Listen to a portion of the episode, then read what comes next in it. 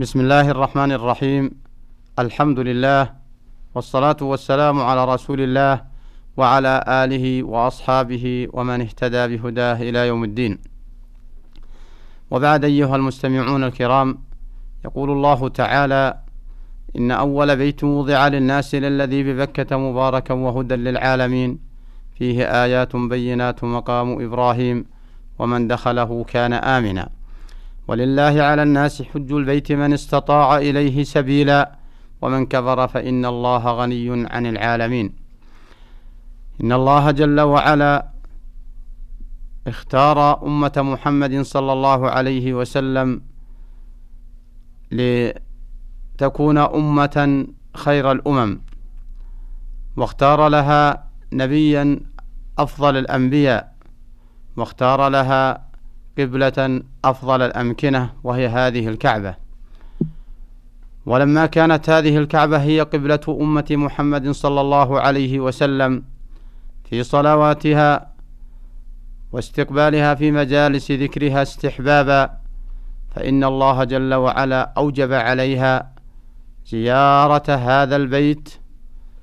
فإن كان في سائر السنة فهي عمرة إذا اشتملت على إحرام وطواف وسعي وتقصير. وإن كان وإن كانت هذه الزيارة في أشهر الحج اشتملت على إحرام وعلى وقوف في عرفة وطواف في البيت بعد الوقوف في عرفة وسعي للحج قبل الوقوف أو بعد الطواف ورمي للجمرات بعد المبيت بمزدلفة ومبيت بمنى.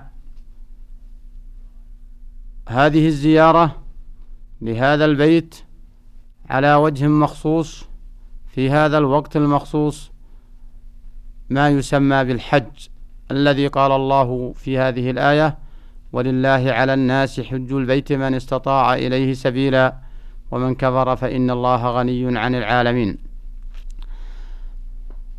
ودلت هذه الآية على وجوب الإخلاص بالحج لله وحده لأن الله يقول لله وفهمنا الوجوب من قوله تعالى على الناس والمراد بالناس يشمل أي إنسان كان فإن كان مسلما صح منه الحج وقد أدى ركنا من أركان الإسلام وإن كان كافرا وجب عليه الحج ولكن لا يصح منه إلا بعد الإسلام. ومن أجل هذا لا مانع أن نستعرض الشروط لوجوب الحج ولصحته. فشروط الحج الإسلام والعقل وهذان شرطان لصحة الحج ولإجزائه. والبلوغ وهذا شرط لإجزائه وإلا فلو حج الصبي صح حجه وأثيب عليه وأثيب وليه ولكن لا يجزع عن حجة الإسلام. وكذلك الحرية فإن حج الرقيق صح حجه وأثيب عليه لكنه يكون نافلة يثاب عليه ولا يجزئه عن حجة الإسلام.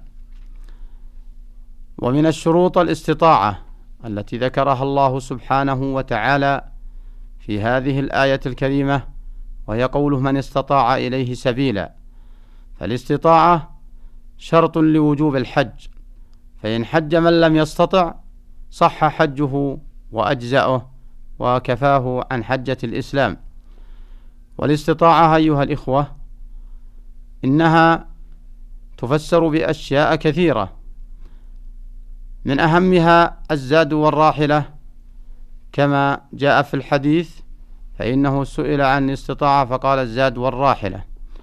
ومعنى الزاد أي أنه يجد ما يتزود به من القوت ومعنى الراحلة أن يجد ما يركبه وما يمتطيه مما يوصله إلى هذا البيت سواء وجد مطية لنفسه خاصة أو سيارة أو لا أو وجد الإجرة إجرة السيارة أو إجرة الطائرة أو إجرة الراحلة حيث لا سيارة ولا طائرة. فمن وجد الإجرة أو وجد الراحلة فإنه يعد مستطيعا.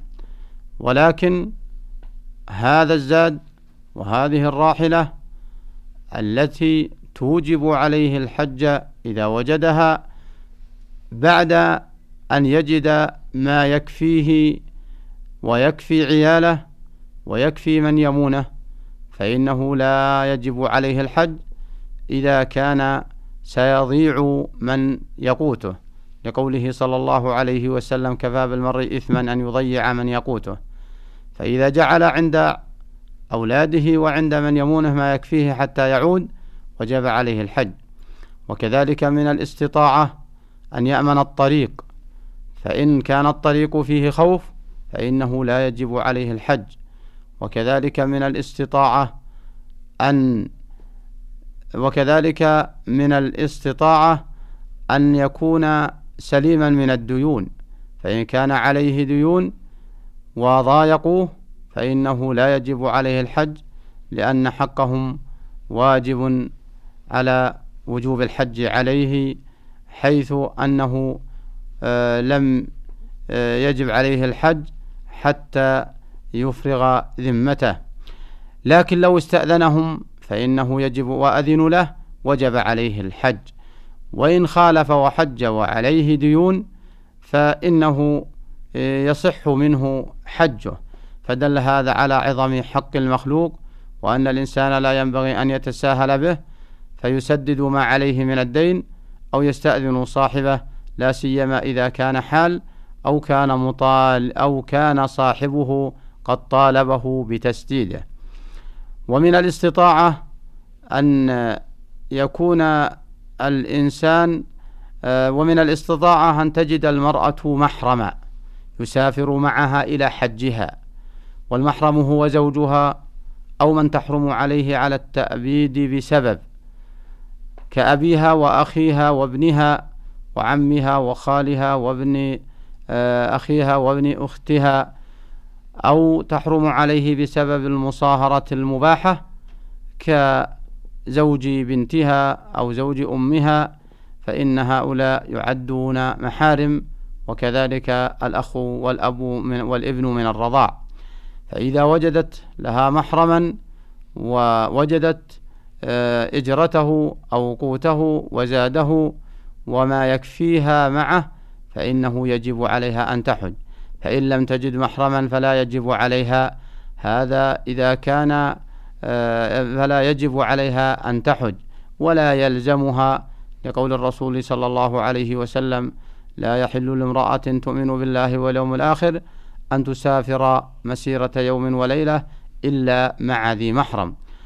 واستأذن رجل النبي صلى الله عليه وسلم أن يجاهد آه، معه وأخبره أنه اكتتب في غزوة كذا وأن زوجته ذهبت حاجة فقال عليه الصلاة والسلام الحق بزوجتك فدل على آه، على وجود المحرمية ودل على أن حاجة الإنسان الخاصة بنفسه ألزم من غيرها ودل على أن الإنسان يحافظ على عرضه لأن المرأة نهيت عن السفر وحدها مخافة أن تنتهى أن ينتهك عرضها لأن المرأة محل للطمع وضعيفة يطمع بها ويطمع بها ذئاب الناس. فلهذا منعها الشرع أن تسافر وحدها حتى ولو كان آه، الحج فرضا. وكذلك لا تسافر أيضا مع غيرها ولو كانوا ثقة عند جماهير العلماء. وهناك من أذن من العلماء إذا وجدت آه، رفقة ثقة ومعهم نساء أنها تحج آه، فرضها. ولكن الراجح ولظاهر الحديث أنها لا أنه لا يلزمها إلا بوجود المحرم. لأن الحديث ينهاها فإذا حجت ارتكب محرما والحج واجبا ودرء المفاسد مقدم على جلب المصالح. وكونها تحج مع رفقة ثقات من من النساء من دون محرم آه هذا قول بعض العلماء يعني به حج الفرض. أما حج النفل وسائر الأسفار فالجمهور فالجماهير على أنها لا تسافر إلا مع ذي محرم لئلا ترتكب نهي الرسول عليه الصلاة والسلام. فالمقصود أن الوجود المحرم يشترط لوجوب الحج آه، للمرأة. فإن لم تجد محرم فلا يجب عليها وتعد أنها غير مستطيعة. حتى ولو كان المحرم موجود آه، وأبى إلا بأجرة فإنها فإنه يلزمها أن تعطيه الأجرة وهو نفسه لا يلزمه. أن يحج معها من دون أن تقوم بما يلزمه. فهذه شيء من أنواع الاستطاعات ومما يجدر أن يشار إليه في بحث الاستطاعة أن الإنسان إذا كان له آه، حاجة لكتب علم شرعية يحتاج إليها وإلى المطالعة فيها وإلى تنمية معلوماته وإذا أراد أن يحج لا يستطيع شراء ذلك فإنه يبدأ بها على حجه لافتقار المسلم إلى العلوم الشرعية وإلى الحاجة وإلى هذه المعلومات التي يفتقر هو لها وغيره من المسلمين. فنسأل الله سبحانه وتعالى أن يسدد خطى الجميع وأن يوفق الجميع للأقوال والأفعال الموافقة لما جاء به الرسول صلى الله عليه وسلم وأن يبلغنا هذا البيت ويتقبل من الجميع. وصلى الله وسلم على نبينا محمد وعلى آله وصحبه أجمعين.